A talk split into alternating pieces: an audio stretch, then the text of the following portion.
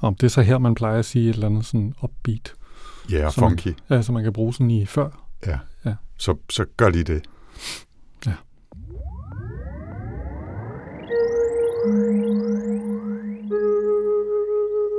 Velkommen til Sci-Fi Snak med science fiction og med snak med Jens Jarl Poder. og Anders Høgh Nissen. Velkommen til. You're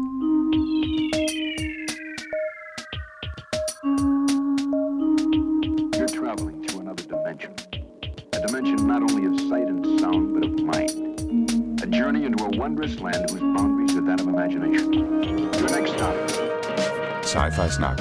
Velkommen til Sci-Fi Snak, episode 88. Det er den, der handler om Aldous Huxleys. Flot. Ja. Aldous Huxleys hedder han Brave New World. Og det bliver brugt det der. Der er intet, der bliver klippet fra her Nej, nej. i Sci-Fi Snak. Alt kan bruges. Alt Ja. kan bruges. Velkommen til, Jens. Jo, og i lige måde. Ja, du havde taget øh, japansk whisky med den her gang. Det er, det er simpelthen den nye verdens whisky. Og øh, det er den, jeg skyder skylden på, for at jeg ikke kan sige Aldous Huxley. Ja. Men det er på en eller anden måde også lidt krøllet, synes jeg. Bogen er udgivet i 1932, men blev skrevet i 1931, så vi fejrer faktisk øh, 90 års fødselsdag. Ja, det er mega sejt. Det er godt nok noget af et gammelt værk, og en af de ældre, tror jeg også her i programmet. Ja, det er ikke så tit, vi kommer så langt tilbage. Det er ikke det ældste, men, øh, men vi har jo været, været der, dernede af, ikke? Jo, jeg tror, øh, ja, vi har haft øh, selvfølgelig Jules Verne, Så vi har haft Samjatin fra 20'erne. ja, og vi havde Odd John for ikke så længe siden, Ja, den er jo som er senere, fra den her, ikke? 36, Ja, den er faktisk Ja. senere. så lige omkring samme tid. Og så er det jo spændende, når, nu kommer vi i gang med den lige om lidt, men øh, skal vi selvfølgelig lige have sådan lidt øh, follow-up, øh, og hvad der er sket siden sidst. Men øh, det spændende er jo altid, når man læser sådan noget gammelt, om det så holder. Er det stadig frisk, eller er det, er det gået over? Det er ligesom at tage en vin op af kælderen. Så åbner man den, ikke? Og så tænker man, det er jo utroligt. Har det her virkelig ligget siden 88? Det er jo som... Eller får man sådan en, øh, en øh, flaske rosinjuice op, som bare smager fadt og kedeligt. Ja. Og nu har jeg jo set, hvad du har givet af stjerner. Mm. Måske har du også set, hvad jeg har givet af stjerner. Det har jeg ikke. Om det så bliver vellæret mesterværk eller litterær rosinjuice, det finder du ud af til sidst i den her episode af Ja. Sci-Fi Snak. Det var da en teaser. Det må man sige. Men inden vi kommer til øh, bogen, hvorfor den blev valgt, og hvad vi synes om den, og hvad der foregår i den, så skal vi have en siden sidst. Ja, og vi har jo øh, vi har jo også på andre måder været i gang med gamle mesterværker. Altså, Foundation er jo kommet som tv-serie, og øh, du har været i gang med at se den? Ja, det har det har jeg. jeg også. Ja, spændende. Ja. Nu lægger jeg ud så. Ja. Øh, Det er jo en, øh, skal vi sige, fri fortolkning af Isaac Asimovs klassiske værk, Ja. fra, som jeg allerede har glemt, hvornår var fra, selvom vi jo læste den første i Sci-Fi Snak for ikke så forfærdelig lang tid siden. Mm. Men øh, jeg har set, jeg tror, der er kommet tre afsnit nu, eller fire. Jeg har set øh, to og et halvt. Jeg har set to. Okay. Jeg øh, så det første og var sådan, nå, spændende, interessant. Så så jeg det andet og tænkte, hmm, og så gik der egentlig ret lang tid, før jeg fik taget mig sammen til at gå i gang med at se afsnit 3. Og det kom jeg halvvejs ind i i går aftes i talende stund. Og så gad jeg simpelthen ikke mere. altså, så jeg kørte så sur i det. Jeg synes, altså, jeg synes, den var flot, og den har lejlighedsvis noget svung og noget sådan lidt tankevækkende omkring de klonede øh, kejser og alt det der, men, men den fængede ikke. Jeg synes simpelthen ikke, at den er fed. Hvad tænker du? Jamen, det er lidt det samme. Altså, det er sådan, den er, jeg synes simpelthen, den tager sig selv alt for højtidligt. Men uden at den ligesom... Altså, den vil gerne have patos, men det er bare ikke rigtig patos. Mm. Der er sådan nogle hånddukker, de der øh, karakterer, som man ikke rigtig tror på. Jeg er dybt skuffet over øh, Jared, øh, hvad det hedder, Jared Richards? Øh, nej, det hedder han ikke, men Jared, Jared, S- Harris. Jared Harris hedder han. Ja. Som jo er, altså, jeg tror, jeg har set ham, alt det, jeg har set ham i indtil Foundation, har jeg synes, han har været virkelig god i. Ja. Og han er jo virkelig god.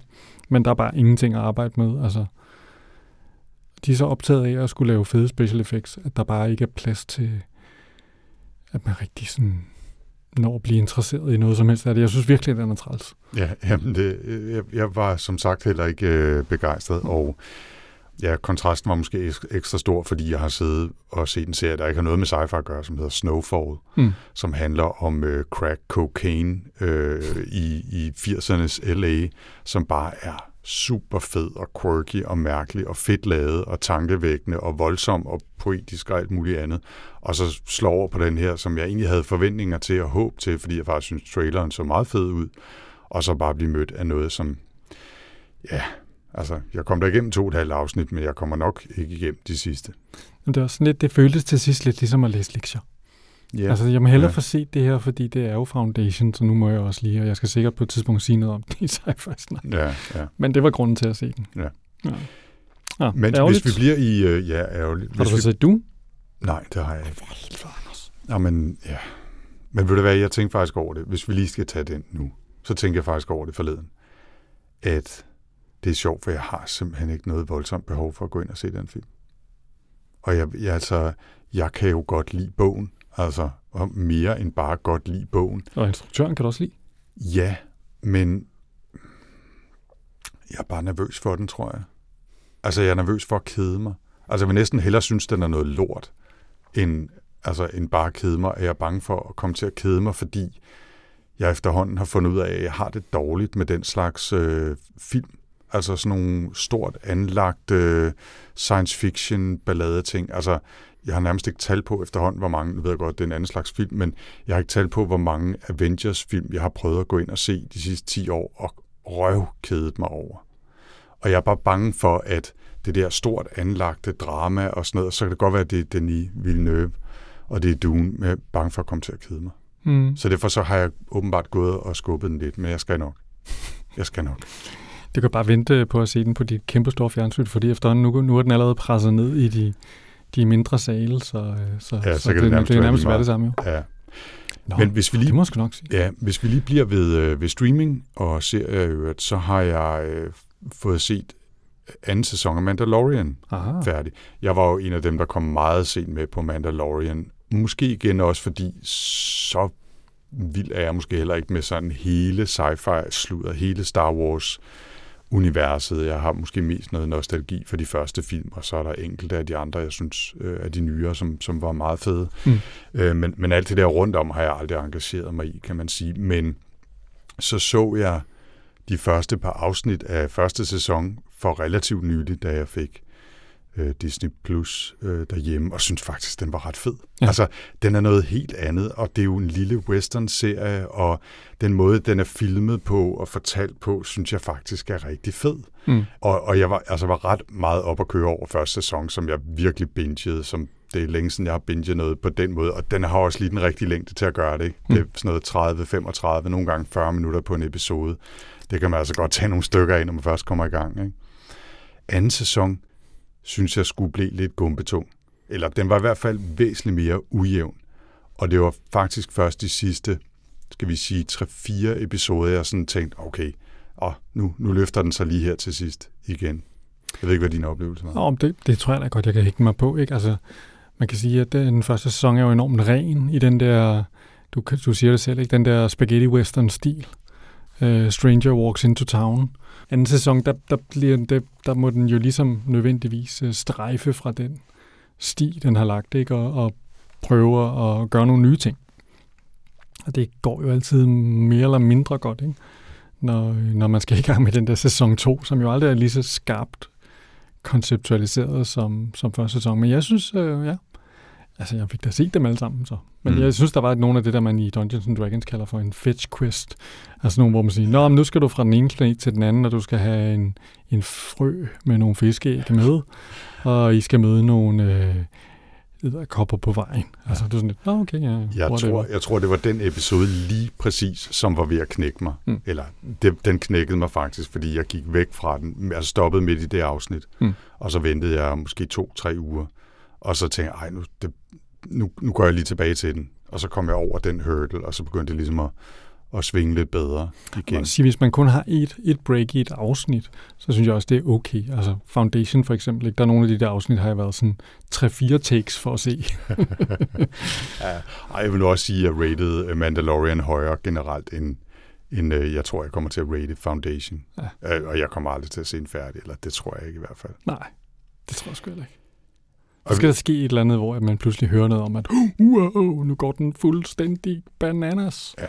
Men altså, det, hvorfor, hvorfor skulle den pludselig det? Nej, men nu fortaber vi os i, i seriesnak, eller jeg gør i hvert fald, men jeg nævnte lige den her Snowfall, Mm. øh, som kørte fra 17 til 19, tre sæsoner. Så, øh, og og den, den kunne jeg huske, at jeg havde set første øh, halvandet afsnit af, eller noget af den stil, for et år siden, og ikke var blevet fænget af. Og så dukkede den lige pludselig op igen på, på Disney+. Plus. Og så tænkte jeg, "Ej, nu, nu prøver jeg skulle lige igen, fordi jeg synes måske, den havde et eller andet alligevel. Og så var jeg bare hugt fra første sekund. Mm. Så det har måske også lidt, lidt noget at gøre med, hvor man selv er, når man kaster sig over den, om den lige rammer rigtigt. Ikke? Men altså, derfra så til at tro, at, øh, at jeg hopper tilbage på Foundation om en måned, fordi der lige sker et eller andet, det ved jeg ikke, det er måske lidt et, et leap of faith. Øh, apropos i øvrigt lange serier, som har svingende kvalitet, så øh, har jeg læst en enkelt science fiction bog også i den tid, der er gået siden vi mødtes sidst. Det er Ian Banks Matter, som er den 8. bog i den officielle Culture-serie, som jeg er ved at, at pløje mig igennem. Og jeg er endte med at give den tre stjerner. Mm. Og, øh, og det gør jo lidt ondt på mig at give Ian Banks og Culture tre stjerner, men den var sgu noget ujævn, og øh, altså, den føltes bare unødvendigt lang. Okay. Og meget af den foregår i sådan lidt middelalderagtig verden, og det er jo ikke nødvendigvis det, jeg har skrevet mig op til, når jeg vil læse Culture, og altså, jeg, jeg synes sgu ikke, det var hans fineste arbejde. Altså, og, og en gang imellem, sådan har jeg det en gang imellem med Culture-serien, så er han så hittet på som og fantasifuld i sine beskrivelser af alle mulige mærkelige teknologier og væsener, at jeg i hvert fald fuldstændig mister orienteringen. Altså, hvad fanden er det lige, der sker her? Hvem gør hvad ved hvem, og hvordan ser de ud? Og hvor, hvem, altså, man mister sådan lidt grebet om historien. Og selvom det stadigvæk er fint skrevet, og ja, netop fantasifuldt og hitte på somt, så, øh, så bliver det sådan lidt, nå ja, okay, nu sidder jeg bare og læser en masse ord, indtil jeg finder en krog igen, jeg kan hægte mig fast i, for at finde ud af, hvad fanden det er, der foregår. Og sådan var den her bog. Mm. Og det synes jeg var lidt ærgerligt. Men altså, jeg selv skal selvfølgelig læse nummer 9 og 10 alligevel. Ikke? Jeg har aldrig kommet videre end uh, Use of Weapons, tror jeg. Men uh, det er nok også, fordi jeg har den der følelse af, at de, uh, den og så Play of Games er ligesom sådan de, de store. Ja, om det Highlights Er, og, og det er de også. Og alt andet vil ligesom være sådan lidt fede ud i noget, der er dårligere. Ja, og det tror jeg sådan set også, du har ret i. Der er jo altså, højdepunkter i, i de efterfølgende bøger, ikke? men de er, de er væsentligt mere svingende. Altså, jeg synes også, uh, Play of Games og Use of Weapons er øh, mesterværkerne her. Ikke? Ja. Du, har du læst noget science fiction i øvrigt siden sidst? Nej, det er simpelthen ikke noget, du. Nej. Udover Huxley her, ikke? Ja, men øh, sådan er det også en gang imellem. Mm. Er der sket noget i vores øh, gruppe på Goodreads? Ja, der er lidt små ting. Øh, der, er nu ikke, der er ikke lige så meget, jeg vil tage med her. med. På Sci-Fi Snak har Henning øh, gjort opmærksom på, at øh, rynkeknipesyn, som vi læste sidste gang, ja, undskyld, jeg da ikke var klar over det, og fik et chok her, øh, den er også blevet gennemgået af Læs den, mm. den podcast, som også læser science fiction en gang imellem, men også læser alle mulige andre bøger. Så det kan man jo, øh, den kan man jo høre, om de øh, tænker noget andet om den, end vi gjorde. Jeg kan måske lige, apropos Goodreads, sige også, at vi fik en kommentar fra Jimmy på Goodreads, som heller ikke var super glad for Foundation-filmatiseringen, eller Nå ja, er serificeringen. Han, han skrev, at han var faldet i søvn, Ja, præcis. og hævdede, at vi aldrig nogensinde havde øh, behandlet den i, i hvad hedder det, Snak, hvilket ikke er rigtigt. Ja, Vi, så der øh, fik du også lige smækket den tilbage i hovedet på, men i øvrigt, øh, Jimmy, tak for kommentaren, og godt at høre, at vi er enige om Foundation. Det var i episode 69. ja, tak skal du have. Godt. Skal vi Nå. kaste os over øh, Brave New World? Ja, det synes jeg, det var jo dig, der valgte den. Det var det. Hvordan kan det nu være?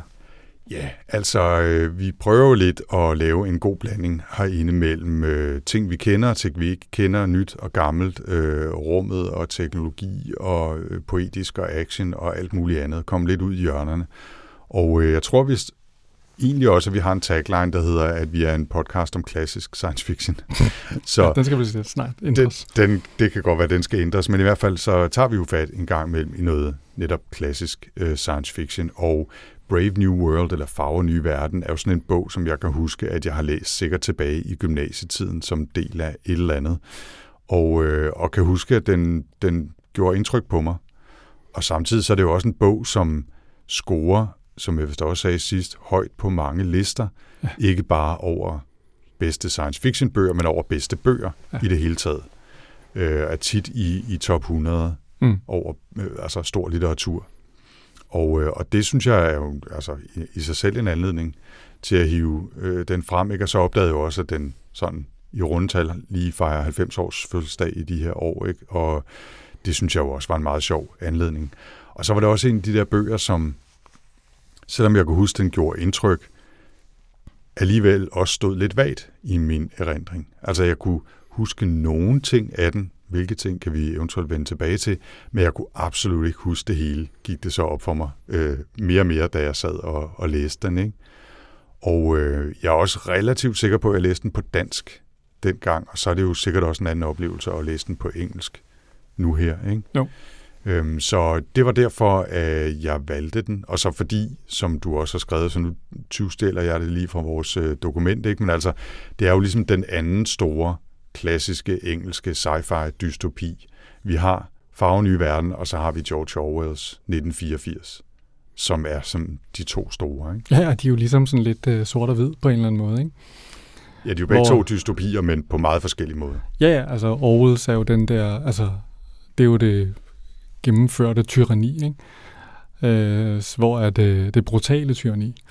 Hvor det andet her, det er sådan ligesom det mere øh, forbrugersamfundet, der bare har øh, lullet alle folk ind i sådan en, øh, en en, happy, en lad, lad happy søvn. ja, jamen det er lige præcis det der, ikke? Altså, øh, vi skal nok vende tilbage til den lige om lidt, altså, men sagt meget kort, så er det jo historien om det her fremtidssamfund henne i år 2500 et eller andet, øh, hvor man har klonet mennesker og lavet et ekstremt kastesystem, så man laver nogle dumme mennesker, som tager alle de sure fabriksjobs, og så har man hele vejen op til spektret af alfa plus mennesker, som er de kloge, dygtige, som bliver controllers og directors af de store øh, kloning- og udrugningsfabrikker og får lov til at skrive propagandatekster og læringstekster. Og så øh, følger vi nogle personer i det her samfund, nogen som passer rigtig godt ind, og nogen som overhovedet ikke passer ind.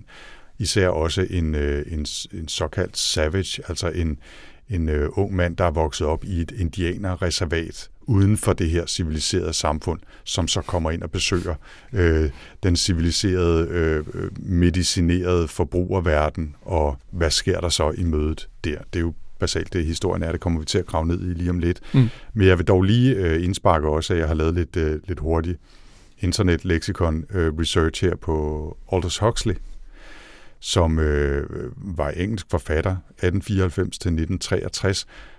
Det sjove ved 1963 er, at han faktisk døde samme dag som øh, forfatterkollegaen C.S. Lewis, der jo skrev Narnia-bøgerne, og øh, samme dag også som øh, JFK blev skudt. Så som der står øh, på Wikipedia, øh, Huxleys og C.S. Lewis' øh, død blev sådan lidt underrapporteret i medierne generelt i den tid der.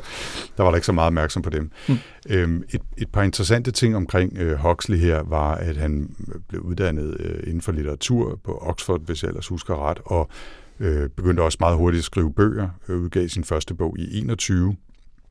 Øhm, så boede han i øvrigt i USA fra 37 til han døde, og så var han ret interesseret i filosofi, mysticisme, det spirituelle, sådan, altså nye og anderledes måder at se verden på. Han eksperimenterede også med altså, psykedeliske stoffer og meskalin og den slags ting. Ikke?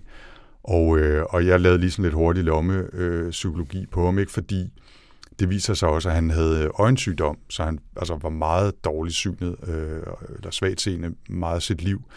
Og der tænker jeg jo sådan lidt, man kan godt forestille sig, at der er en ekstra incitament til ligesom at prøve at få nogle indre visuelle oplevelser med tilsætningsstoffer, øh, hvis man øh, ikke kan se ude i, han har sagt, den virkelige verden, eller i hvert fald den fysiske verden. Så det var sådan lidt hurtig lomme, lommepsykologi heroverfra, ikke? Fordi, altså det er jo meget sjovt, fordi at øh, stoffer og, og indre rejser fylder jo temmelig meget i den her bog. Ja, det må man sige. Øh, både i det ene og det andet samfund i virkeligheden. Ja, præcis. Så vil jeg lige øh, sparke ind også, apropos internet research, at den har været filmatiseret to gange i 80'erne. Jeg har ikke set nogen af dem. Hmm. Så har der åbenbart været planer om, at Ridley Scott sammen med Leonardo DiCaprio skulle have lavet en filmatisering af den, som der var snak om fra midten af nullerne, men det ligger åbenbart på is, øh, og har gjort det i snart 10 år. Ikke? Og så har der åbenbart været lavet en øh, tv-serie på baggrund af Brave New World, som udkom faktisk på den øh, streamingtjeneste, der hedder Peacock. Og Jeg kan ikke huske, hvilke af de store amerikanske medieselskaber, om det er Warner eller hvem fanden, der har Peacock. Men øh, den har altså kun kørt en sæson, og så blev den sløjfet igen i 2020. Mhm. Så heller ikke noget, jeg har set noget af, men der har dog været gravet tilbage i den her historie et par gange igennem årene. Du havde ikke læst den før? Nej, Nej, det fandt jeg ud af. okay. Altså, det var meget sjovt, fordi vi har de der, nu nævnte du det der, altså de der bøger, som man har læst, så man har sådan lidt en væg. Forestil- Sådan har jeg det også med George Orwell 1984. Det er sådan lidt, ja, men det er den der, der vist nok handler om et eller andet med det der, men hvad der sådan lige sådan 100% sker. Altså bogens tema fylder så meget, at det ligesom sådan øh, blæser handlingen væk. Mm. Altså fordi budskabet fylder så meget, ikke? Jo. Øhm, og det er jo lidt det samme her, kan man sige, men, men der er jo i virkeligheden en ret øh, velstruktureret handling i, i Farven i verden, eller øh, Brave New World. Ja. Øhm, men den er samtidig en, en grundig, grundig gennemgang af det her samfund i øh, år 2500, hvor alle de øh, beder til fort, og hele menneskeheden jo er sat ind i sådan en, jamen det handler bare om at lave et stabilt samfund, hvor alle er så glade som overhovedet muligt. Det er sådan ligesom imperativet, ikke? Vi skal være glade, vi skal være effektive. Ja. Og, øh, og på det alter har vi offret skønhed, vi har offret sandhed, vi har offret videnskab. Alle de ting må ligesom vige, for at vi kan fjerne alle de ting, der gør mennesker ulykkelige. Øh, og øh, og det, det, hvad man blandt andet har fjernet, det er jo det at have familie, for eksempel. Fordi det er jo bare en kilde til ufattelig mange problemer, viser det sig. Øh, og, øh, og det her med at gå og synes, at jeg får ikke rigtig nok sex, det har de også fundet en løsning på. Så man, øh, man får bare i øh, hovedet og om man så må sige. øh, det, det har de også fundet en løsning på. Hele det her med at gå og være knipsk og sådan noget, det bliver der set rigtig skævt til. Ja. Øh, man skal simpelthen bare se at komme derud, og så møde nogle nye hele tiden. Så Det er meget bedre.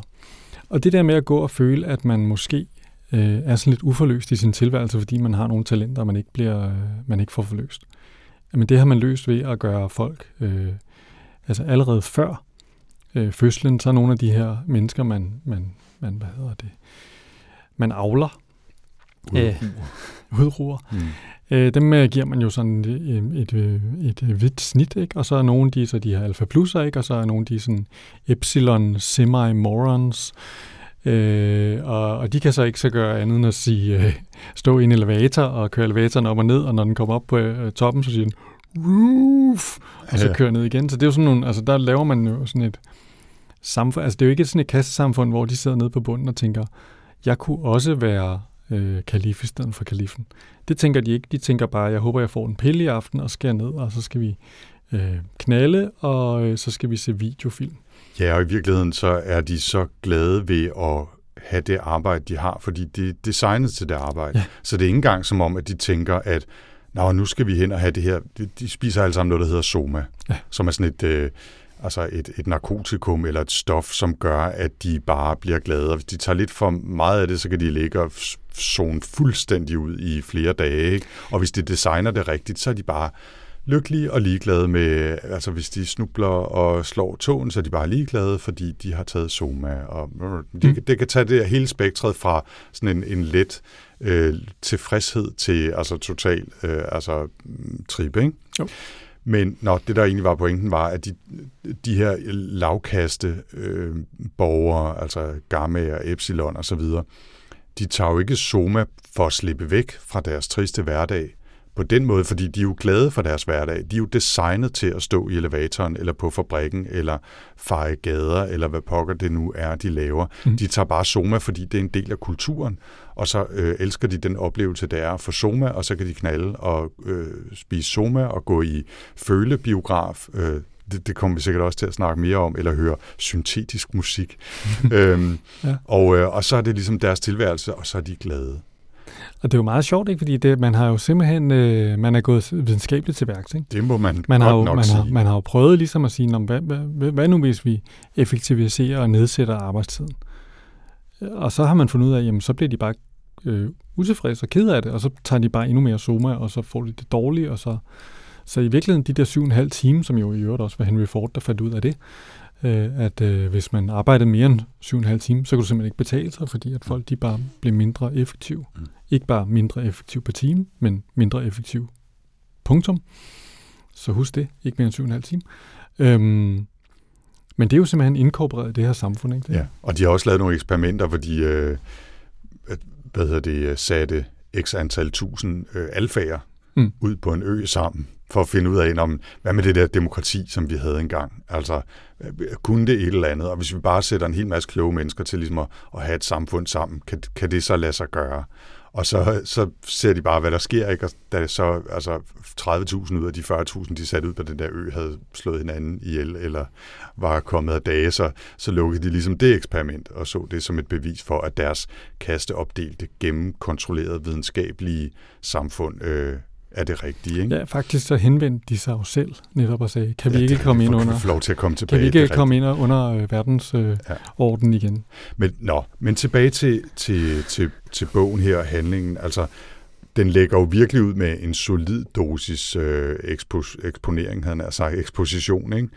Og, og worldbuilding. Altså, vi kommer jo simpelthen med på en rundtur sammen med en masse elever på øh, sådan et uh, delivery and hatchery, eller hvad det er, det hedder, altså sådan en udrugningskloningsfabrik, hvor directoren og hans uh, trofaste følgesvend Henry Foster fortæller de her elever om alt, hvordan det foregår med øh, udrugning af, af fostre i flasker, som på forskellige tidspunkter bliver udsat for lyd og lys og støj og stoffer, og nogle får også alkohol, så de bliver sådan holdt lidt tilbage i væksten, osv. osv.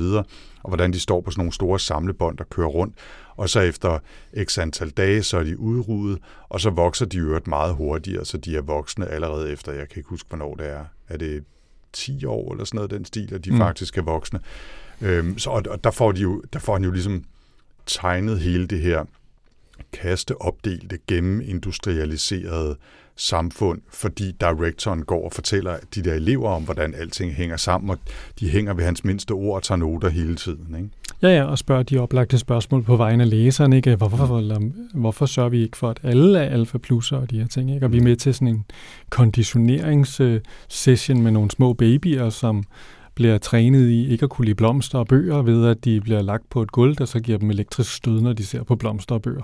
Og det er jo fordi, øh, hvis, øh, hvis mennesker går ud i naturen, så er de jo ikke gode forbrugere, Nej. for naturen er jo gratis. Ja. Så de bliver konditioneret gennem stød og støj til ikke at kunne lide blomster og natur, fordi så bliver de inde i byerne og spiller de spil og går til den underholdning, som koster penge, og som er med til at holde hjulene i gang. Ja. Og de har simpelthen, parentetisk, har de alle de spil, som de spiller, som er sådan noget, altså øh, turbogolf og alt muligt andet, det er jo, altså, det er jo designet, Det- så, så, så udstyret skal være så dyrt og kompliceret som muligt, så folk holder gang i forbruget ved at købe udstyret til at spille de her spil. Så det er, klar, det er klart, det er en præ-klimakatastrofe, hvad hedder det roman, den her? Det, det, tror jeg, det tror jeg roligt, man kan sige. Ikke? Jo. Øh, Vi, vi møder også, i, udover directoren og Henry Foster, som, som spiller en rolle i bogen her, så møder vi jo også Bernard Marx. Ja, altså man kan sige, at vi har jo tre gennemgående karakterer, som er rigtig vigtige, og måske skulle vi bare tage dem, ikke? Bernard Marx er jo psykolog og arbejder med det her hypno, øh, søvnhypnotiske, Hypnopædi. ja, hvor man lærer, hvor man ligesom indoktrinerer børn til at have alle mulige holdninger ved at sidde og sige til dem, mens de sover, øh, stitches means less riches, som altså siger, at du skal ikke reparere dit tøj, du skal bare smide det væk og købe noget nyt. Alle sådan nogle ting bliver de trænet i. Øh, og det, det er han ekspert i. Øh, men øh, Bernard har mærkelige idéer. Øh, han, øh, han kunne godt tænke sig at øh, holde i hånden med den samme hele tiden. Altså, han kan godt lide at være for sig selv. Øh, det er jo også en ting, som man skal... Altså, øh, ensomhed, øh, altså som i være alene, det er ikke noget, man synes er en god idé. Man skal være sammen med andre og lave noget. Øh, og så er han også øh, altså, kropsligt, Ja. ja. så lever han ikke op til den standard, han ellers er. Altså, han er jo alfa. jeg tror, han er alfa plus, faktisk. Ja, det er han. Ja, Men, men, øh, han, men der, der er jo rygter, øh, altså vedholdende rygter om, at han har fået et par dråber alkohol i sin øh, udrugningsflaske. Ja. Så derfor så er han øh, 10-15 cm mindre end de andre. Han er en lille spinkel mand, hvor øh, andre alfa plusser er jo store, øh, stærke, rigtige mænd med store hænder og kraftige hager. Ikke? Ja, så, så selvom der egentlig ikke rigtig burde være forskel, så er han ligesom sådan den nederste på hylden i alfa-land, ikke? Og så, for, så er han samtidig sær. Ikke? Altså, han, er, han er lidt mærkelig at se på, og han er sær, han er anderledes. Han vil gerne være monogam, han vil gerne være alene, han sætter, spørgsmål, øh, sætter spørgsmålstegn ved alting. Ikke? Jo, jo, han er jo også, øh, altså, øh, han sådan, karaktermæssigt er han jo også en, en nar, ikke? Altså, Ja, fordi samtidig med, at han gerne vil, altså han vil gerne lære noget mere. Han vil gerne udfordre samfundet, men han vil jo også rigtig, rigtig gerne være en del af det. ja, Altså- og grunden til, at han er utilfreds, det er jo, fordi han ikke er på øverste hylde. Hvis han var på øverste hylde, så ville han ikke være utilfreds. Nej, der er netop en sekvens senere, hvor han i hvert fald i kortvarigt får indtryk af, at folk accepterer ham, og det gør de overhovedet ikke. Nej. Men han får kortvarigt indtryk af det, og der opfører han sig også basalt set som et røvhul. Ikke? Altså Ja, han, kan, han har han, kan ikke håndtere det. Han har jo den her ven, der hedder Helmsfold, eller Helms, Helm, Helmsholtz. Helmsholtz, ja. som jo faktisk er sådan en alfa plus, men som faktisk er lidt bedre end de fleste alfa plusser, og som kunne have to damer om dagen, hvis det var det, han ville, og det hele kører for ham. Hans problem er, at han, er, han føler sig lidt klogere end alle de andre. Så derfor han føler han sig også på en eller anden måde alene. Ikke? Jo. Nå, men øh, vores anden store karakter, Lenina, hende skal vi også snakke om. Ja. Hun er jo sådan en, øh, ja, hun er egentlig øh, ansat jo i det her udrugningscenter, hvor hun hjælper med at, at udruge de her børn og få dem forberedt. Hun kommer lidt forskellige ting og sager i de her reagensglas. Øh, men ellers så er hun jo også øh, interessant, fordi hun ligesom er en love interest for mange øh, folk. Sådan er det jo. Hun er hun er fertil, Hun er Hun er- pneumatisk. pneumatisk, som, ja. som, øh, som åbenbart er sådan en pige med lidt svung i. Mm-hmm. Der, øh, hun har gode former, og hun er sød og glad og, øh, og ved det bedste. Hun har måske en lidt mærkelig vane med, at hun godt kan lide at være øh, ven med Henry Forster meget længe, og det bliver der også set skævt til. Mm. Men hun er jo, øh, hun er jo det eks, ekstreme øh, oplagte øh, tilfælde af denne her pige, som, som jo lever det der liv, hvor at hun, øh, hun er sammen med en ny mand hver dag, og det er jo sådan, det er. Og, øh, og der, det, er sådan, det, det er værd at nævne det her med den, den måde, man ser på sexlivet på. Det er, det er noget naturligt, men det er også noget meget barnligt. Altså, sex, seksuallivet er ikke sådan et voksent seksualliv. Man taler decideret om, at det skal være infantiliseret, så det er bare noget, man gør som om, at For, for glæden. i ja, for, for glæden i det. Ja. og der er sådan, så, mere, så er der ikke mere i det. Det er en kropslig nydelse, kan man sige. Det er ikke som et udtryk for kærlighed, eller noget, som er med til at hvad kan man sige, styrke en følelsesmæssig forbindelse. Det er ren og skær, altså gnid, gnid, øh, orgasme, ikke? Og, øh, og på den måde jo meget anderledes end øh, vores sidste hovedkarakter, John the Savage, som vi måske skal vente lidt med at, at introducere. Ja, det bliver titlen på min næste bog. Det bliver gnid, gnid, orgasme. Eller også så foreslår jeg den til, øh, til Peter Adolfsen at høre om Rynkeknippesyn kan få en, en sequel. Nå ja, det er en god idé. Øh, tilbage til plottet. Øh, det, var, øh, det var Bernard Marx, og det var Lenina Crown og John the Savage. Ja. Og så er der altså et par andre, som er vigtige også. Vi har allerede nævnt uh, The Director, som kommer spil, til at spille en rolle. Og så er der også ham, der hedder Mustafa Mond, som især i slutningen af romanen kommer til at spille en, en større rolle. Han er øh, controller for det globale samfund, skråstreg Western Europe. Altså Ja. han har ligesom en underafdeling af det her globale samfund, som han er leder af eller direktør for. Mm. Og, øh, og det går jo op for en, at selvom han jo på mange måder er, er den, der står for det ypperste, altså og det mest stramme og den mest korrekte fortolkning af alle de her regler, der ligger i det her samfund, så har han også en, en lidt mere fri holdning til, eller en lidt mere oplyst holdning, skulle man måske snarere sige, til hvorfor og hvordan det er, det samfund bliver kørt. Ikke? Altså han kan godt forholde sig bevidst til, hvorfor det er, man gør sådan. Ja, han Og- forstår, hvorfor og- gør man det her. Ja, og, og måske også stille sig selv spørgsmål, om det måske er den rigtige måde at gøre det på, men han har bare besluttet sig for, sammen med de andre, der har øh, udviklet det her samfund, at ja, det er sådan, vi gør det for at maksimere flest menneskers nydelse og minimere deres øh, ubehag. Ikke? Jo, og han argumenterer jo vældig godt for det. Ja, og, i- altså, så kan man godt tænke, over, når man sidder og læser, så sidder man tænker, lange det sider. giver jo egentlig mening. Ja, jamen, det, det, er jo, det er jo det der klassiske spørgsmål, ikke? Med, mm. altså, hvis man var lykkelig hele tiden, ville man så være lykkelig, ikke? Altså, og, og det kan man så sidde og snakke meget længe om, når man er 17 år og har fået lidt for meget drik, ikke? Mm. Øhm, det, der sker i historien her, det er jo, at Bernard Marx, han får overtalt Lenina til at tage med ham på tur. For selvom hun egentlig synes, han er en lidt lille mærkelig mand med nogle lidt mærkelige vaner, så har han inviteret med på en tur til et reservat i New Mexico. Ja. For der er nemlig nogle reservater rundt omkring i verden, hvor folk ligesom lever uden for samfundet, altså naturfolk. Og øh, fordi Bernard Marx han er psykolog og arbejder på det her hypnopædi, og ligesom man, så tæt man kommer på at være forsker, som man næsten kan i det her samfund, så kan han få en licens til at flyve ud, de har helikopter alle sammen, øh, til at flyve ud i det her reservat og tage en gæst med. Og det ville Nina gerne prøve, for hun er lidt træt af bare at komme til øh, altså, øh, Sanse Aarhus optrædener i Amsterdam og, og på golfturneringer og hister her. Ikke? Så hun vil gerne prøve Død, noget og nyt. det her dødssyge hotel, der lå på Nordpol. Ja, for, ja, for Søren, som er skidekoldt. Ikke? Ja. Øh, så, så de tager ud i det her reservat og møder så John og hans mor Linda. Ja, det er jo en sjov historie, fordi at det viser sig, at direktøren fra det her fertilitetscenter, det, det er sådan helt dramatisk, øh, han fortæller, før at øh, bønder tager afsted, så fortæller han en historie om, at øh, jamen, øh, jeg har faktisk selv været i det reservat, og der skete den her mærkelige ting, at jeg havde den her beta-kvinde med, som på, og så blev hun væk, øh, og vi kunne ikke finde hende igen. Øh, det, viser, Så, så vi tog hjem igen. det viser sig, at Linda, som hun hed, øh, var, ja, så tog hjem igen og efterlod hende der. Super, skide godt. øhm, nå, men det viser sig, at Linda, hun, øh, hun har så levet videre ude med de vilde mennesker, og, øh, og har faktisk fået et barn, som er direktørens barn. Ja. Øh, og det er jo altså ikke noget, man gør. Man får jo ikke børn, og mor, øh, at det sjove er jo, altså han vinder jo, øh, altså Aldous Huxley, han vinder jo i virkeligheden alt på hovedet.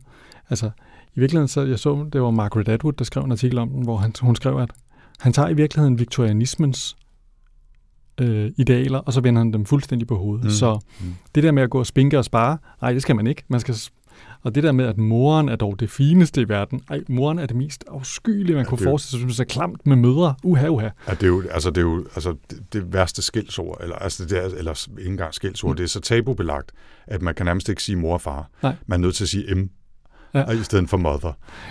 Ja, nå, tilbage til, øh, Linda er blevet mor til John, Mm. Fordi hun Ude var- i det her reservat. ude i det her reservat. hvor hun jo så har måttet leve som sådan en slags øh, øh, ja, øh, lyshåret øh, Træl. træl nærmest, hvor hun har, har givet sig væk til mændene, for ligesom at de kunne, kunne overleve. Ikke? Og John har jo levet som en, øh, en outcast derude. Ikke? Han, han har ikke kunne have et særligt godt liv, så han har levet meget afsondret sammen med sin mor og en Shakespeare-bog. Øh, og det, er jo, det jo, kan godt være det, det, er det, som man vil kalde at sidde lidt skævt på potten. øh, og det påvirker også Johns øh, syn på, på tilværelsen. Ikke? Aha. Øhm, og ja, han finder nemlig øh, på et tidspunkt en meget, meget slidt udgave af William Shakespeares samlede værker. Mm. Og det er ret unikt, fordi øh, man dyrker jo ikke litteraturen, øh, man dyrker ikke historien. Altså, der er, ingen, der, der er ingen, der har nogen historisk bevidsthed, der er ingen, der ved rigtigt, hvad litteratur er. Men han falder så over William Shakespeare, og det siger et eller andet til ham. Samtidig så eksperimenterer John, John the Savage, altså øh, John Vildmanden, Mm. øh, med, med religion, kan man sige. Altså han, som han udforsker lidt, og han, han udforsker både den øh, altså Native American øh, religion, som han er en del af i det samfund, han bor i ude i reservatet, men også øh, kristendom. Og han, han stiller sig nogle gange sådan op i, i Kristuspositur, øh, som om han var korsfæstet og står i solen for at prøve at mærke, hvordan det var, hvis, hvis han var Jesus. Ja. Ja. Indtil han besvimer og, og slår og får et, øh, et sår i panden. Ikke? Og så dyrker han også skønheden i, i William Shakespeare og drømmer om den store romantiske litterære kærlighed. Ikke? Han er, han er jo, altså, hvor at der er ingen romantik er i, øh, i den farvenye verden, Brave New World. Altså, skønhed og romantik findes ikke. Øh, det er erstattet af convenience og glæde. Men, Øhm, men han tager så det hele, kan man han, sige. Han går han, er, han, er, han er nærmest det diametrale modsatte. Ikke? Mm. Øh, han er, han er, altså for ham der er det øh, at elske tomheden, øh, at dø ung, altså alle de der latterlige, Den unge hverdagslidelse. alle de der latterlige romantiske idealer, ikke? Ja.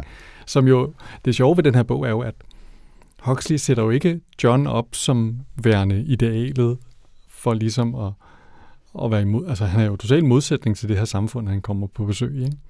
Men John er jo lige så irriterende og ulidelig som, Hell yeah. Og det er, det, der, det er noget af det, der er genialt ved den her bog. Ja, ja, der er idioter alle vejen, ikke? Fuldstændig. Øhm, apropos Shakespeare i øvrigt, så kommer titlen Brave New World i øvrigt fra Shakespeare. Ja, øh, Øhm, The Tempest. The Tempest, lige med stormen. Øhm, ja, bare som et lille fun fact, ikke? Men Ja. det der så er, det er jo, at uh, Bernard, han ser jo sit snit, han regner jo ud, at uh, John the Savage er jo en måde at sværte den her direktør tilbage i det her uh, fødselscenter til, fordi at han er allerede lidt på kant med ham. Risikerer måske at komme til Island, hvilket åbenbart er det værste, der kan ske i verden. Ja. Det giver mening. Mm-hmm. Øhm, Hvis du sidder derude og er fra Island og lytter det her, så var det Jens, der sagde det. Og derfra så kommer vi så ind i, i bogens ligesom væsentligste, eller jeg ved ikke om det er det, det er der, hvor at, at handlingen begynder at udvikle sig, ikke? det er, da John bliver som et eksperiment øh, taget med tilbage til samfundet, for at finde ud af, hvad sker der så? Ja, Og han bliver jo, altså det der blandt andet sker, er, at han bliver inderligt forelsket i Lenina, som han jo allerede har set ude i reservatet, fordi hun var på besøg sammen med, med Bernard, ikke? og hun er dog det, det smukkeste væsen, men også det, det mest uopnåelige væsen overhovedet i verden, som han er inderligt øh, betaget og, af og forelsket i, men altså, han så nærmest ikke se på hende. Nej. Så, så, så meget fylder hun for ham, og så overvældende er det for ham, ikke? Ja, det sjove er jo, så uopnåelig er hun jo heller ikke, fordi hun er jo, øh, hun er jo en ægte pige af den farvenye verden, så principielt set, så handler det bare om at sige, hvad skal der noget på torsdag? Fordi så tænkte jeg, at vi måske Og kunne... hun, hun har masser af altså, tykkegummi med sexhormon, og, og alt, alt hendes tøj øh, er, er udstyret med lynlås fra top til bund, så man altså, kan blive nøgen på altså, under et halvt sekund. Ikke? Det var Det- faktisk en anden ting, som jeg synes var ret sjovt, jeg læste om. At det her med de her lynlåse, det jo Ja. åbenbart sådan en ting, som i det, på det her tidspunkt, der snakkede man om, at lynlåse var dog det værste, fordi det netop var sådan en slags... Okay. Det gjorde det alt for nemt for folk at tage tøjet af. Ja. Så, så det er jo sådan en, igen, Det er sådan lidt. det er sådan en, det er sådan en debat med, med samtiden, de har haft der, hvor de har tænkt, bliver folk sexgale af at have lynlås i deres Ja. tøj? det er utroligt at tænke på. Ja. Nå, det andet, der sker, da, da Bernard Marx han tager John the Savage med tilbage, det er jo også, at, at Bernard Marx han oplever en kort periode, hvor han er talk of the town, ikke? Mm. fordi han kan arrangere middage og events flere gange om ugen, hvor han ligesom fremviser den her vildmand ude fra reservatet, og folk strømmer til og går i seng med ham for at få lov til at få en billet til hans event, og han, han oplever ligesom, hvordan det er at være en del af samfundet. Samtidig med, at han jo hele tiden stadigvæk er lige så skide usikker, som han har været hele tiden, og samtidig med, at det bliver meget åbenlyst meget hurtigt, at folk udelukkende går i seng med ham, eller taler til ham, eller synes, han er spændende på nogen som helst måde, fordi han har adgang til John the Savage. Så da John låser sig inde på et øh, toilet, og ikke gider komme ud til det der event, så vender alle sådan her, ikke? Mm. Og, og, og er direkte tilbage i flæsket på Bernard Marx, fordi han har jo helt klart fået for meget alkohol i dåsen, da han var lille, ikke? Og John, altså, han er jo ikke en fan. Altså, selvom han hele sit liv har gået og tænkt øh, på det her samfund, øh, og hans, hans mor Linda der har jo også drømt om at komme tilbage. Hun er jo så i mellemtiden blevet gys, 44 år gammel. Ja. Og, øh, Gammel og jo- rynket. Og er blevet gammel og rynket, Og øvrigt man jo ikke bliver. smelter fed, og det bliver man absolut heller ikke i det her samfund. Nej. Så, så de er jo næsten ved at kaste op, bare de kigger på hende. Ja, det er meget trist. Øhm, Ja, nå, men hun bliver, hun bliver, altså først så bliver hun bare lagt i soma, øh, altså Ja, hun- soma hun, øh. Hun, hun går jo selv i somakoma, ikke? Hun Ja. ja. øh, vælger at tage, det er jo det, man gør, hvis, man, hvis, hvis, hvis det går helt galt for en, ikke? Så ender man jo på en af de der Soma Holidays, hvor man bare bliver ved med at tage det der, indtil, Ja. ja. indtil det ligesom stopper. Og til sidst så, så altså, kan hendes system ikke rigtig klare det, hun ender på hospitalet, øh, og så dør hun. På sådan en dødsklinik, man Ja. ja. har, som er sådan et, øh, hvor at, øh, børn kommer ud og kigger på folk, der dør, for ligesom at blive, man bliver sådan konditioneret til, at det er jo også, døden er heller ikke et problem. Ja, ja, og det så, kan vi bliver også man, fikse. så bliver man bare brændt af, og Ja, det så er fosfor, fosfor som, som ryger ud af fabrikken, det bliver samlet op og kan bruges til ting og sager, til at gøde øh, øh, hvad hedder det, markerne, og så får vi mere at spise. Ikke? Og det er jo også bygget ind i mennesker, at de dør. Altså, de, de holder sig unge og friske og urynkede og glade op til, er det 60 år eller sådan noget, tror jeg? Ja, og så, og så får de dør- noget senilitet, og så dør de. og så dør de altså meget hurtigt og uden nærmest at lægge mærke til det. Og øh, børn altså kommer også rundt på de her hospices og lærer, at det er noget fuldstændig naturligt at dø, og når folk øh, dør, så bliver de bare brændt af og genanvendt. Ikke? Jo, men det, det virker også som om, at det er lidt sådan et, øh, et sat i system, det der med, at når man så bliver sådan et lidt, øh, lidt dallet op i hovedet, at så, så skruer vi bare lidt op for det her zoom, og så på et tidspunkt har du fået så meget zoom, at dine lunger holder op med at... Ja, ja, ja. Det er sådan en aktiv dødshjælp-model. Industrialiseret aktiv dødshjælp, ja. ja. Men John, han, han går helt, han flyner helt, da hans, øh, da hans mor dør. Han tager den sommerration, som, som alle ungerne skulle have, der var på besøg på hospicet der, eller hvad det er, og smider det ud af vinduet. Og Helmholtz og Bernard Marx kommer løbende ind for at ligesom, øh, altså, hjælpe, og det hele går op i kaos, og så ender det med en meget lang øh, samtale mellem øh, Mustafa Mond, øh, den her World Controller, Western Europe, og John the Savage om, hvordan civilisationen er skruet sammen. ikke? Ja, altså, vi skal jo nok lige have med, at øh, vi har jo gået og ventet på, at Lil Nina og John Ja, ja, okay. the Savage, de ligesom skulle få hinanden. Det skal ikke? også nævnes. Okay. Altså, han har gået og kigget efter hende, sendt lange øjne. Hun har tænkt, hvorfor er han ikke mere åben over for mine, Hvorfor mine lyner han ikke åbninger? ned? Ja, hvorfor lyner han ikke ned? Og det er jo simpelthen det mest tragiske nogensinde, øh, hvad hedder det, kærlighedsforhold i nogen bog, ikke? Fordi det her, det er jo, hun står der, han har sin 1700-tals forestillinger om øh, nobel, edel kærlighed, øh, som principielt set består af at kigge væk, øh, hænderne over dynen, og øh, elske det uopnåelige på afstand. og hun er sådan lidt mere, way, nå, men du skulle bare sagt, fint, jeg lyner lige ned, nu kører vi. Kom så i min arm, Nu, min nu, skat. nu sagde du kærlighedsforhold, det ved jeg ikke, om jeg nødvendigvis vil kalde det. Nå, men... Det er jo ligesom, altså, når man som en moderne læser, så kan man sige, at der er jo et eller andet med, de her vil gerne hinanden. Mm, Og så er det jo, altså, det er jo bare en utrolig scene, den der, hvor de her to fuldstændig modsatrettede verdensopfattelser, det er jo det, der gør, at de ikke kan hinanden, kan man sige. Fordi de tænker så forskelligt om det at være sammen. og det, så der er, en, der er en scene, hvor hun basalt set lyner ned og, og faldbyder sig selv. Hvor det- det, han øh, går fuldstændig Det sådan kan han overhovedet ikke klare. Han går fuldstændig baglås, ikke? Øh, ja, det vil jeg ikke engang sige. Jeg vil sige, at han går i til angreb. Ja. Altså, han, øh, han øh, vil jo til at tæske hende og kalder hende strumpet og råber af hende, at hun er en hore og sådan nogle ting. Altså, det er jo fuldstændig vanvittigt. Øh. Og hele denne her, altså når han har noget, som han synes er, når han sådan ligesom føler, at lysterne kommer op i ham, så er det hendes skyld. Hmm. Mm. Altså, det er jo sådan, han ser på det. Altså, han er jo basalt set en poetansk præst fra, Ja, ja, fra fuldstændig. 1700-tallet, Og ikke? han bliver jo også sådan, at han, han øh, bedriver også det her flagellantisme, ikke, med at Ja. gå og pisse sig selv og sådan noget. Ja. What an asshole. Ja. Og, øhm, og nu, nu, altså, vi kan jo godt tillade sig at slutspoile en øh, 90 år gammel bog, ikke? Jo. Kan vi Det synes jeg. Okay. Så efter den her meget lange snak mellem øhm, John og Mustafa Mond, så ender det med, at de får lavet den aftale om, at, at John han kan få lov til at ligesom, gå i eksil. Og han flytter ind i et øh, gammelt fyrtårn ude på landet i Surrey, tror jeg det er, i, mm. i England. Og tror, han ligesom skal leve derude med, med at piske sig selv, og, han havde egentlig taget nogle forsyninger med, men, jorden. men bare, altså, ja, lige præcis. ikke? koldbade. og Ja, ja, og, og han er faktisk lidt trist over, at der er for mange vinduer øh, og, og for isoleret i det der fyrtårn, fordi han synes egentlig, at han skal ud og lide, fordi meget mere fortjener han da ikke. Og, og det er jo gennem lidelse, man ligesom opnår en eller anden form for mere sand, ægte liv. Ikke? Desværre så viser det sig, at der er nogen, der får nys om, at han er derude, så det ender med at blive sådan et, øh, et tilløbsstykke, hvor folk kommer og vil se ham piske sig, se vildmanden piske sig selv, og, og der er sådan en naturfotograf, der, der laver en film med ham, sådan en øh, lugteføle, øh, syntetisk musikfilm, ikke? Og, og, øh, og så slutter det simpelthen med, at, at, at selv ikke der kan han få lov til at være i fred, så han stikker af. Han hænger sig der. Ja, ja, altså, Nå, på den måde. Det er faktisk meget interessant, fordi den der Gustav Monts diskussion, ikke, der, de alle sammen bliver fanget efter, de har prøvet at lave det her oprør på den her fabrik, og hvor John the Savage, han har prøvet at få alle, øh, øh, øh, gør jeg fri, arbejder, smider Soma ud af vinduet. vi Ikke? skal ikke tage det her Soma mere, og så viser det sig, at det, det er de slet ikke interesserede i, at de prøver at banke ham. Der tænker man jo, åh, oh, oh, nu går de øh, medieval 1984 on their asses.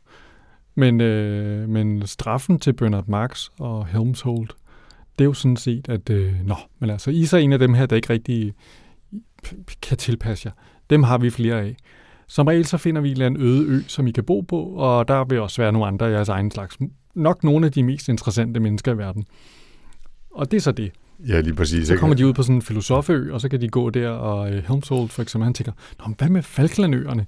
Der kunne man da sidde og skrive store, skønne, øh, hvad hedder det, tekster. Øh.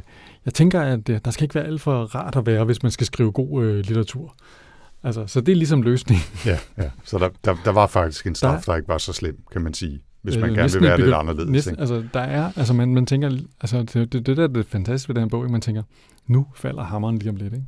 Den eneste, der er måske rigtigt, man kan sige, får hammeren, det er i virkeligheden John the Savage, fordi man tænker, øh, Mustafa Mond, den der løsning, han finder til John the Savage, der, han, han må have tænkt, at det der ville gå galt. Ja, måske, måske. Ja. Det er jo en bog, hvor der... Det er jo et fantastisk øh, og skræmmende og vildt univers, som vi har beskrevet her, ikke? med kastesystemer og materialisme og ekstrem øh, hierarki og øh, jagten på evig lykke, og man er medicineret til op over gælderne øh, for at, at, at være glad og Mm. lykkelig og øh, have sex hele tiden. Ikke? Og øh, så er det sådan på, hvad kan man sige, teknologifronten jo et, et, et sjovt univers også, fordi den er skrevet for så lang tid siden, så der er en masse ting, han ikke vidste. Mm. Øhm, jeg, jeg synes, det er evigt morsomt, når flyvende biler eller helikopter, sportscopters er en del af det her, ikke? hvor de flyver øh, lodret op i, øh, i 3 km højde, og så slår de de øh, horisontale øh, rotorer til, og så kan de lige pludselig flyve, og øh, der er helikopterlandingspladser på toppen af alle øh, husene, og så videre, og så videre. Det er meget sjovt, ikke? Og så er det Mm. også meget sjovt, at deres underholdning er sådan lugtovler, og når man går i biografen, så, så er der ligesom sådan nogle elektrisk ledende paneler i øh, armlænene på stolene, så man øh, via elektrisk stimulans får lov at føle det, som skuespillerne op på lærredet føler også sådan kildren i læben, når personerne kysser hinanden og så videre. Ikke? Så filmen er sådan uden noget rigtig narrativ. Det er bare sådan nogle oplev sansehistorier. Ikke? Jo. Og, og sådan er det øh, generelt over det hele. Så står der sådan nogle små lugtovler, så man kan sådan blande forskellige lugte, som kan vifte rundt i rummet, mens man øh, doser sig selv med Soma. Ikke? Så det er også meget sjovt, at, at de der underholdningsmedieteknologier er relativt øh, primitive, kan man sige, ikke? Men, men jo super godt fundet på i forhold til, at det er så sansebetonet et samfund. Altså, man skal helst ikke føle for meget rigtigt, og man skal helst heller ikke tænke for meget rigtigt. Man skal bare kropsligt føle. Og det er det, man gør hele tiden, ikke?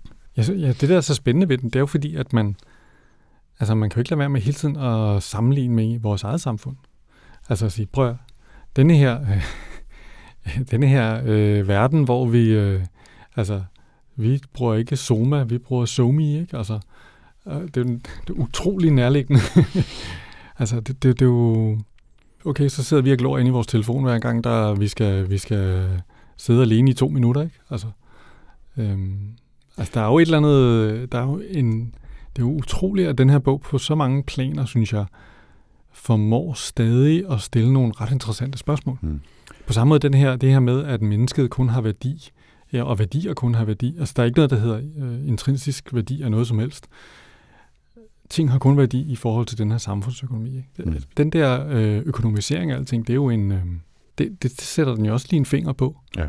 Og det er jo også en ting, som mm, vi bliver nødt til at kigge i øjnene og sige, "Nå, der, der har han jo fat i noget.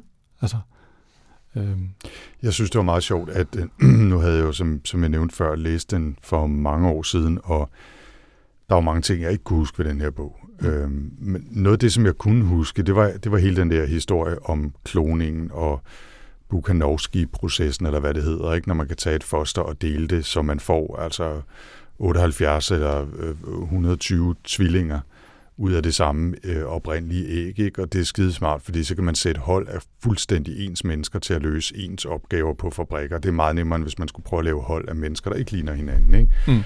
Og, og det var meget den del af, af, af historien, eller kan man sige, den teknologiske del af historien, jeg kunne huske. Ikke? Altså det med kloningen og alfa, beta, gamma og så videre, den der øh, kasteopdeling af samfundet, det var, det var meget det, som jeg kunne erindre mig, som åbenbart havde gjort indtryk på mig dengang. Ikke? Men det, som slog mig ved denne her læsning, det var i langt højere grad det, du lige snakkede om. Altså soma, dosningen af mennesker, den ekstreme materialisme, øh, Øh, at alting skal have en nytteværdi i den store samfundsmaskine, at man fuldstændig lægger altså følelser, øh, det intellektuelle, øh, historien, litteraturen fra sig, det var det, der gjorde indtryk på mig nu, og som jeg synes gjorde, at den stadigvæk har en, en relevans også hos os i dag. Ikke? Fordi hvis man skulle begynde at snakke om kloning med udgangspunkt i den her bog, så bliver det sådan lidt underligt forceret, ikke? fordi det er sådan en, en helt anden måde, det bliver brugt på i, i bogen end i samfundet i dag. Så den der en-til-en øh, forbindelse mellem de teknologier vil ikke rigtig give mening. Men sammenhæng mellem ja, Soma og Somi, som du lige sagde, ikke? Altså, og øh, det, at vi ser alting ud fra en nytteværdi, og at vi øh, hele tiden er forhippet på at være lykkelige, øh, synes jeg, øh, altså, der, der gav det rigtig meget mening at læse den her bog nu. Hvis vi skal tage en lille vurdering og sætte nogle stjerner på, mm. medmindre du har andet, så vil jeg gerne lægge ud og sige, at nu har jeg lige øh, øh, rost den øh, relativt meget her, men den får altså kun i gåsøjne fire stjerner heroverfra. Og det gør den, fordi jeg stadigvæk nok synes, at oplevelsen ved at læse den her 90 år gamle bog, er, at det er en 90 år gammel bog på mange måder. Og jeg synes, den har mange spændende øh, tanker, masser af fede tematikker. Den er også sjov, og den er også rørende og, og sådan skræmmende sine steder. Og sådan, man bliver sådan lidt awkward af at læse den nogle, nogle gange, ikke? fordi de alle sammen er lidt mærkelige og irriterende. Men jeg synes, den som fortælling er lidt gumbetung. Øh, altså, den er, den, er, den er ret ujævnt fortalt, synes jeg. Der er den der lange ekspositionsscene i starten. Der er en lang scene ude i det her øh, reservat, hvor man får Johns historie, som jeg også synes bliver sådan en underlig pause midt i det hele, før handlingen ligesom skrider videre. Og til sidst den lange snak med Mustafa Mond, øh, synes jeg også bliver sådan en, okay, nu ruller vi lige en hel masse tanker ud om det her, den her verden og det her samfund, som ikke, ikke bliver forankret i noget som helst handling. Det er bare, altså det kunne lige så godt bare være skrevet, uden at det var replikker mellem mennesker. Sådan et, et lille appendix her er Aldous Huxleys tanker om det her samfund, for bare lige at pinde ud for os, så vi forstår, hvad det er, han gerne vil med den her satire, som det jo i virkeligheden også er. Ikke? Og, og det synes jeg er med til at skabe en ujævnhed, som, som jeg synes trækker ned. At den er, altså jeg synes, den var spændende at læse, men jeg synes ikke, den var sådan fed at læse i, øh, jo, nogle steder, men absolut ikke den hele. Så det var sådan min op- oplevelse af den, og derfor havnede den på fire. Hmm. Jamen altså, jeg har givet den, øh, jeg har givet den de fem. Jeg synes sgu, det var et mesterværk. Altså, jeg synes virkelig, virkelig, at den var god. Jeg synes, at øh, de spørgsmål, den stiller, er, er usædvanligt friske. Mm. Altså, nu, øh, nu snakker vi lidt om, hvad, øh, det er ikke så længe siden, vi læste Odd John, for eksempel, hvor man tænkte, ja, okay, det er fandme en gammel bog, var. Øhm, og der synes jeg på en eller anden måde, at, at det what-if-scenarie, der bliver stillet op her, synes jeg er så utrolig spændende, fordi det på en eller anden måde stadigvæk, det er selvfølgelig ikke sådan, verden er blevet, men på en eller anden måde er der alligevel noget af det, der, der Ligesom at øh, George Orwell jo, det er jo ikke blevet helt George Orwell, men alligevel er der alligevel lidt. Altså det er sådan, og det er jo det, der gør, at de to dystopier her er så store, tror jeg. Mm. Jeg synes, at hele det med, øh, øh, Mustafa Mons øh, udlægning af deres overvejelser omkring det her samfund er med til at gøre bogen endnu bedre. Det her med ligesom at få sat det i perspektiv, at det her det er et samfund, som er bygget op omkring happiness. Uh, og, og du er jo sådan tydeligvis optaget af skønhed, men det er altså bare noget, man kan, ikke, man, kan ikke, man kan ikke lave noget, der baserer sig på skønhed med et samfund, der er så stabilt som vores. Der er ikke brug for helte i vores samfund, fordi der er ikke nogen problemer, der skal løses af helte. Og så jeg var enormt, øh, jeg synes, der var meget sådan skarpe tanker omkring de der ting, som jeg synes var, det fascinerede mig helt vildt. Øh, så, mm. så jeg var meget, øh, meget tilfreds med den her bog, og synes selvfølgelig, det var en trist slutning for stakkels John the Savage, men på det tidspunkt synes jeg faktisk også lidt, at han var selv udenom det. Jeg kunne godt have tænkt mig at høre lidt om, hvordan det var gået med, øh, med Bernard Marx og vores, to, vores øh, gode... Øh, Helmholtz. Ja, hvordan det gik øh, dem nede på Falklandsøerne, men... Øh, det kan være, det kommer i toren, det ved jeg ikke. Ja, han skrev jo en uh, Brave New World Revisited mm. fra nogle 50, som jeg ikke har læst. Og så skrev han i øvrigt også en bog, der hed Island, som skulle være det utopiske modstykke til Brave New World. Mm. Altså hvor han forsøger at skrive en utopi. Mm. Og den har jeg desværre heller ikke læst, men øh, det kan være, det kommer en dag. Det, det spændende er jo, det, det, det er grund til, at jeg er så begejstret for den bog, det er fordi, når jeg sidder færdig med den, så sidder jeg og tænker, hmm, er det her en dystopi? Altså, hvad er der egentlig galt med at indrette samfundet sådan her? Altså, Og det- at, at nogen fuldstændig har bestemt, hvordan du skal leve dit liv. Spørger du om, hvor, hvor, hvad der er galt med det? Nå, men altså, det er jo... Fordi det, det, det tror jeg godt, vi kan. Men så skal jeg lige dobbelttjekke. Er der fire timer tilbage på SD-kortet? Det kan godt vi skal tage en snak om det så. Nå, man kan sige, der er jo ikke særlig meget... Altså, det er jo et samfund, der er optimeret til lykke. Og folk er glade. Og så har man, øh, så har man sat alle rammerne op, sådan at, øh, at det er de. Hmm. Altså, man har jo bare løst alle problemerne. Men jeg er, jo, jeg er jo godt klar over, når jeg læser den, så sidder jeg jo også, altså det, så sidder jeg jo også, og hvad hedder det, og har den der, ja, selvfølgelig er det forkert. Men jeg synes, det er spændende, fordi den ligesom, det, den er jo i en, i en ekstrem grad fører nogle tankeeksperimenter ud der og siger, jamen hvad nu, hvis vi ikke havde det her problem, det her problem, det her problem og det her problem? Ja, altså, jeg tror ikke, vi skal bruge sindssygt meget tid på nødvendigvis at diskutere øh, indholdet af hans samfundskritik mere, end vi allerede har gjort. Men jeg tror, at grunden til, at det trækker ned for mig, er jo ikke, fordi jeg ikke synes, de tanker er interessante. Men det er, fordi jeg ikke synes, det er super vellykket som litteratur. Mm. Altså, det, det, jeg synes sgu, det bliver lidt sådan en, well, as you know, Bob, og så kommer der en lang snak om ting, som han synes, det er nødvendigt at fortælle, som ikke rigtig flyder i historien. Øhm, og det, ja, det var i hvert fald min oplevelse. Altså, jeg har det... Jeg tror også bare, jeg oplevede selve læseoplevelsen også anderledes. Jeg synes Mm. faktisk, der var mange dele af den her... Nu, nu bliver der snakket om det der med, at han ikke så så godt, ikke? Altså, hans, øh, hans skrivestil er jo enormt visuel. Øh, sproglig er... For eksempel kapitel 4 er ret interessant, hvor den hele tiden for hver afsnit i teksten, der skifter den Perspektiv. perspektiv. Ja, ja. Det er super forvirrende i starten, Ja. indtil man ligesom lærer rytmen, og så forstår man, om det der, det er Mustafa Mond, der siger det der. Det der, det er Lenaina, der siger det. Nu er vi der, nu er vi der, nu er vi der. Mm. Og det her, det er hypnomaskinen, der snakker nu. Og det gør han flere gange, altså også i senere kapitler. Ja. Ja. Altså det der skifte hele tiden. Mellem, ikke, og ikke mellemrum mellem afsnittene. Mm. Det er bare skrevet ud i, ud i hinanden. Ikke? Ja. Men det, og, og ja, igen, altså det er jo ikke dårligt skrevet, altså sådan sprogligt. Øhm, men jeg, jeg, synes, jeg synes bare, jeg kunne føle alderen på en lidt irriterende måde mm. En gang imellem. Men altså, Nej, nej. Og vi sidder heller ikke og diskuterer mellem et et-tal og et femtal. Vi sidder og Nej, nej. diskuterer mellem fire-tal og et femtal. ja, ja, og måske ovenikøbet et stort firtal. Ikke? Ja, Så, Så det ja. går nok. Men Jens, efter Brave New World, hvad skal vi så læse til næste gang? Ja, men altså, jeg har faktisk øh, valgt en bog, som jeg synes var lidt vigtig at få snakket om. Og jeg ved, at du har læst den. Øh, så, øh, men, og jeg er i gang med at læse den. Så jeg tænkte, til næste gang, der skal vi læse øh, noget, der det er en nyere bog. Øh, og vi har også snakket om den her før. Vi skal snakke øh, om Kim Stanley Robinsons The Ministry for the Future. Ja, spændende.